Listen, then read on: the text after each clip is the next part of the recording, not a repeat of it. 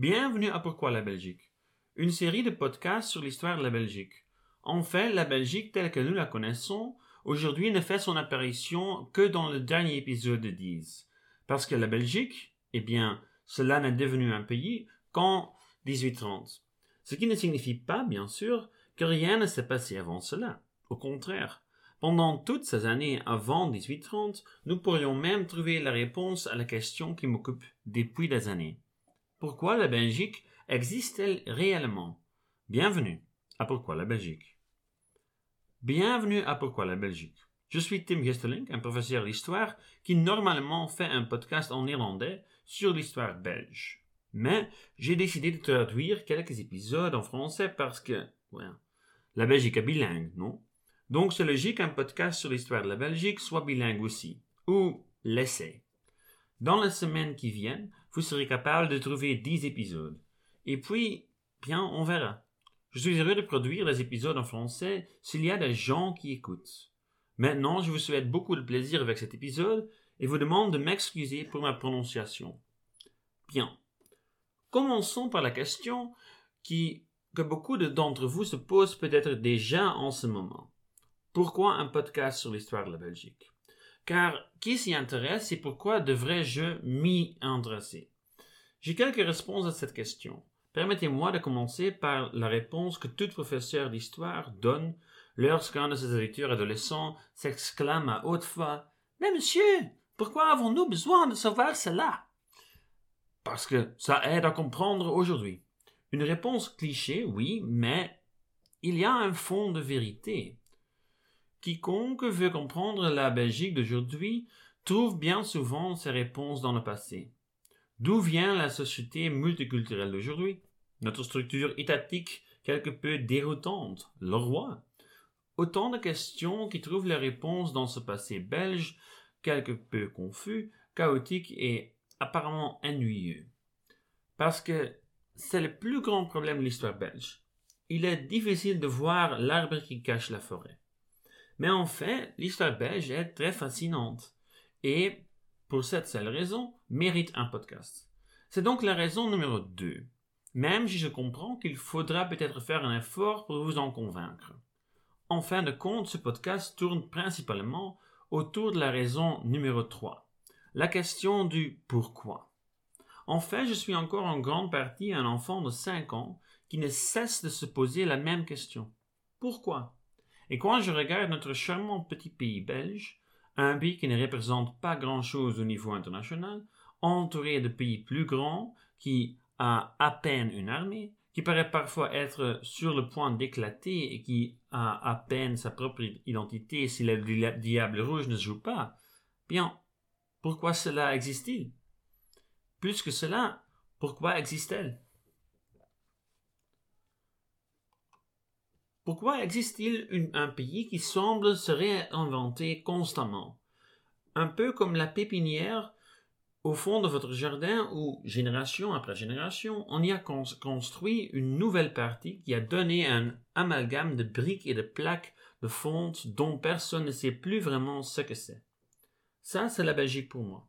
Et nous, les Belges, sommes déjà très habitués à cela. Il y a longtemps que nous ne nous étonnons plus d'une crise gouvernementale ou du simple fait que nous ayons six gouvernements pour gérer un, territoire minuscule et que personne ne comprend le concept de Bruxelles. Nous trouvons cela normal. Alors, pourquoi la Belgique existe-t-elle? Vous ne vous êtes probablement jamais posé la question, mais croyez-moi quand je vous dis que c'est une question intéressante. Posez-vous la question et voyez si vous pouvez trouver une réponse. Prêt? Ok, allons-y. J'attends.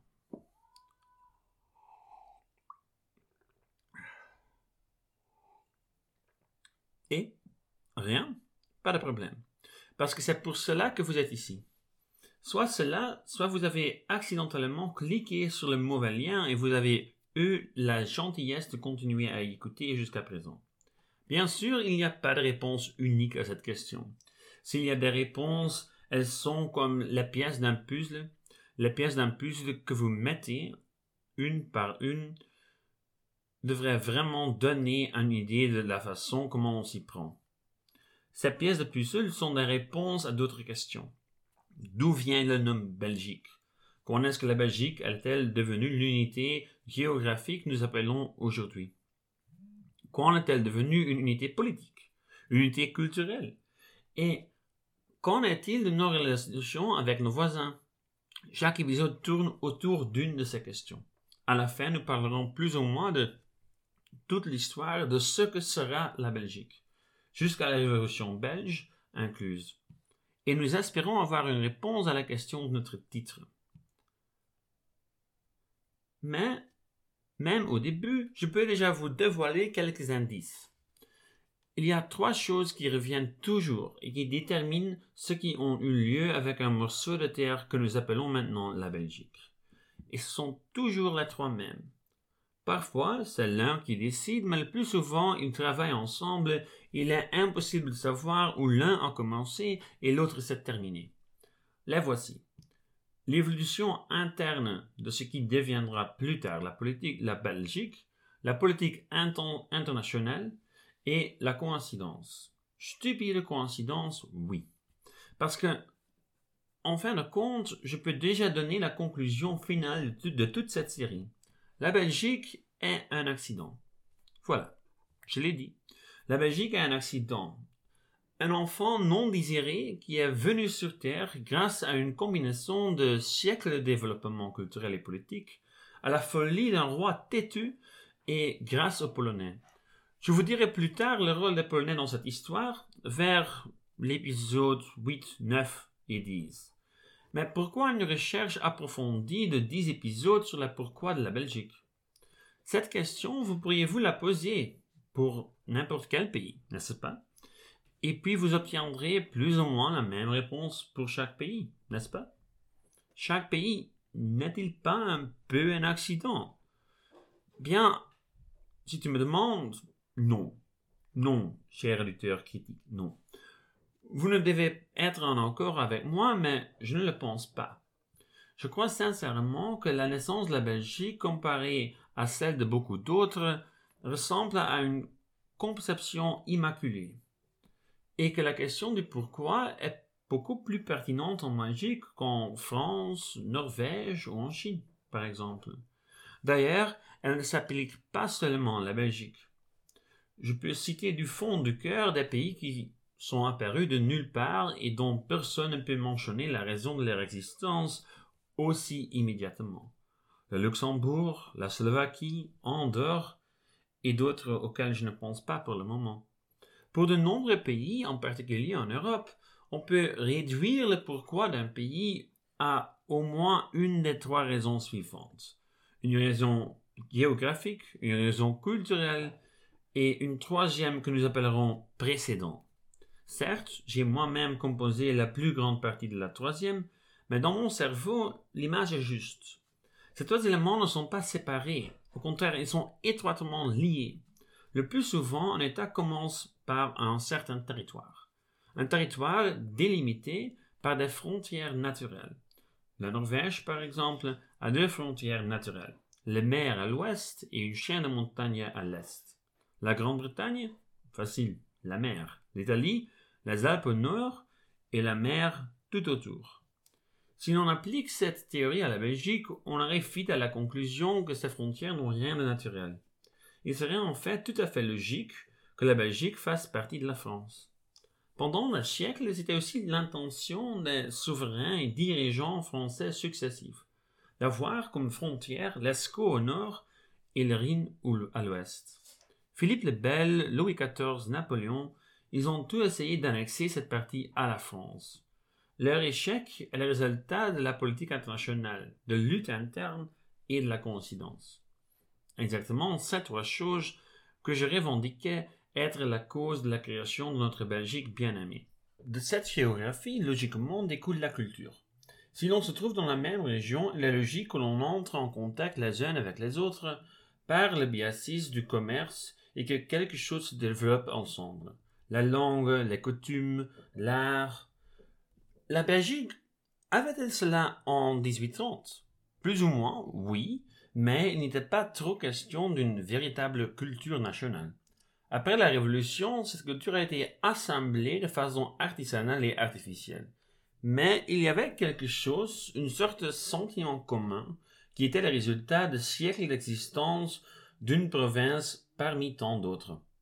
Donc, sur le plan culturel, il y avait déjà quelque chose. On ne peut pas dire que ce soit un précédent. Par précédent, j'entends un exemple historique auquel on peut se référer comme un glorieux prédécesseur de, l'État qui légitime son existence aujourd'hui. L'Italie à l'Empire romain, la France, à l'Empire de Clovis et Charlemagne, la Chine, tout un tas de dynasties d'empereurs, etc. Et la Belgique, quel moment glorieux de l'histoire sommes-nous en train d'évoquer? Il y en a quelques-uns, mais tous ont leurs commentaires à faire pour savoir si c'était vraiment le début de ce que nous appelons aujourd'hui la Belgique.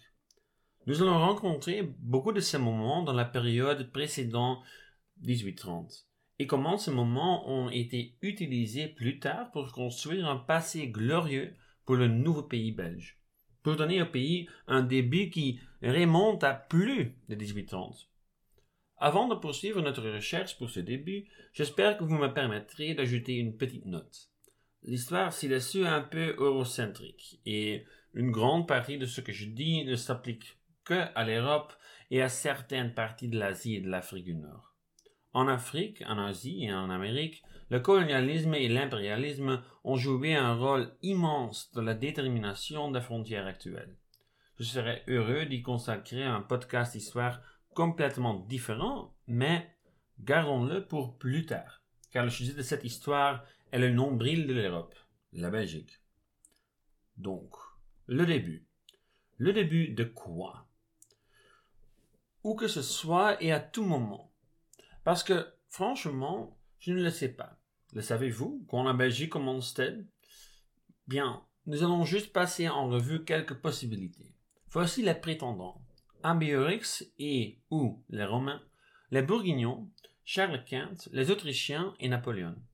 Lorsque nous parlons du début de la Belgique ou du pourquoi de la Belgique, nous parlons bien sur, sur toujours de la Belgique. Mais qu'est-ce que la Belgique? Aujourd'hui, bien sûr, la Belgique, c'est toutes sortes de choses.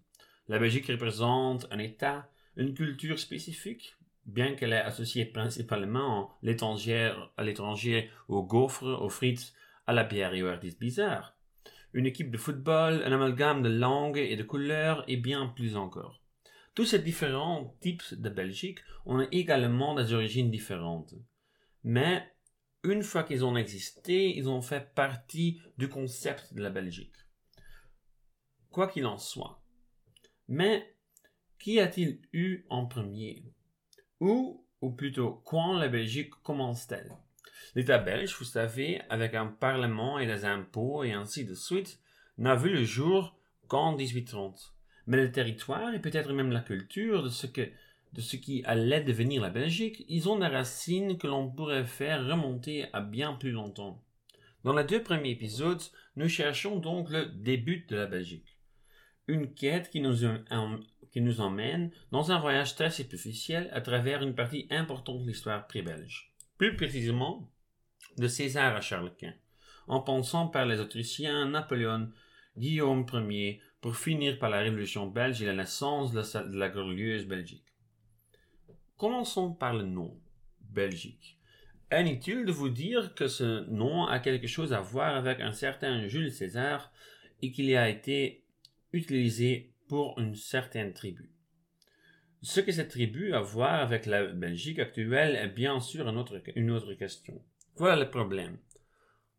Entre 58 et 50 avant JC, César était en train de conquérir la Gaule. Plus ou moins ce que nous voyons aujourd'hui comme la France et ses environs. Et parce que les Romains attachaient une grande importance à la comptabilité, César a également gardé une trace écrite des expériences avec les Commentarium an Gallia Gestarum, plus connu sous le nom de Commentari de Bello Gallico, des commentaires sur la guerre des Gaules. César y écrit cette petite phrase que tout le monde connaît. Les Belges sont les plus courageux des Gaulois. Et ceci, cher auditeur, est la première mention des Belges dans l'histoire de l'humanité. Ce que l'on rencontre rarement, c'est la suite de cette phrase. Elle dit ceci. Les Belges sont les plus courageux de tous parce qu'ils sont les plus éloignés de la culture de la civilisation de la province et n'apportent que très rarement aux marchands des choses qui contribuent à la défense de leur esprit, et parce qu'ils vivent près du peuple germanique qui vit de l'autre côté du Rhin et avec lequel ils sont constamment en guerre. En d'autres termes, les Belges sont les plus courageux parce qu'ils sont sauvages et les plus éloignés de la civilisation. Et cela montre tout de suite pourquoi il faut prendre l'analyse de César avec quelques sacs de sel. César n'était pas un anthropologue qui essayait de cartographier les peuples de Gaule de manière neutre et scientifique. César était un conquérant qui ne savait rien ou presque rien des peuples contre lesquels il faisait la guerre et ne s'intéressait en fait à eux que pour peaufiner son propre blason. Comparez-le avec les conquistadors espagnols qui ont soumis toute une civilisation de façon génocidaire. Quoi qu'il en soit, ce podcast ne concerne pas M. César, mais les Belges. Et les Belgailles, dont parle Jules, ne constituent pas un ensemble monogame, mais en réalité un amalgame de tribus gauloises et germaniques sur un territoire qui comprend la Belgique actuelle, mais aussi le nord de France, le sud des Pays-Bas et une petite partie de l'Allemagne. Le seul lien réel entre ces Belges de l'époque et les Belges d'aujourd'hui est qu'ils vivaient plus ou moins dans la même région. Même que cela puisse aussi être nuancé car des villes comme Trèves et Rennes ne sont pas vraiment situées en Belgique de nos jours. Et pourtant, au XIXe siècle, après la création de la Belgique elle-même, De Bello Gallico était considéré par beaucoup comme une œuvre de nos fiers prédécesseurs et était lu de manière aussi sélective que possible pour que cette nouvelle Belgique soit la plus belle possible. Ou pourquoi pensez-vous que vous n'avez jamais entendu parler de cette phrase d'accroche après les Belges sont le plus courageux des Gaulois? Ou pourquoi un certain Ambiorix a été élevé au rang des héros et a obtenu soudainement un statut sur le marché de, de Tongres? Pour ceux qui se sont déjà rendus à Tongres, cette statue de cet homme a moitié nu et à l'énorme moustache. Vous savez, ce chef belge a héroïquement tendu une embuscade à une bande romaine et les a ensuite achevés sans pitié. Une, un signe d'héroïsme belge, vous savez. Le problème est bien sûr que la seule preuve que nous ayons de l'existence de ce leader héroïque est le Bello Gallico. Et les archéologues de cette bataille épique n'ont rien ou presque rien trouvé. Et même s'il avait existé, cet homme n'aurait pas eu grand-chose à voir avec les joyeux limbourgeois qui se promènent aujourd'hui à Tongres. Sur le plan génétique, culturel, religieux ou matériel, cet homme n'a pas grand-chose en commun avec les Belges aujourd'hui ou d'hier. Lui et ses compatriotes n'ont guère donné à la Belgique plus que leur nom et une bonne excuse pour réaliser toute une série de statues et de peintures d'un homme à moitié nu ou encore comment, après 1830, on saisissait tous les présidents possibles pour se lier à un passé. Après la destruction d'Ambiorix et d'Assien, Rome prit position de notaire pendant longtemps. Mais quel impact cela aura et comment, vers la fin du Moyen Âge, quelque chose commencerait enfin à se former, dont une grande partie de la Belgique actuelle fait partie, bien ça, c'est pour la prochaine fois. Merci de m'avoir écouté et merci à ma fiancée de m'aider avec la traduction de textes originaux. Les réactions peuvent être trouvées sur la page Facebook Geschiedenis van België et si vous êtes là, vous pouvez aussi décider immédiatement d'aimer la page. Alors, je vous promets solennellement que vous recevrez un commentaire Facebook aussi agréable lorsqu'un nouvel épisode sera mis en ligne. Si vous voulez me contacter personnellement, vous pouvez faire ça sur l'adresse email geschiedenisvan.outlook.be. Vous pouvez trouver le lien pour le Facebook et l'adresse mail dans la description de cet épisode. À la prochaine. Ciao.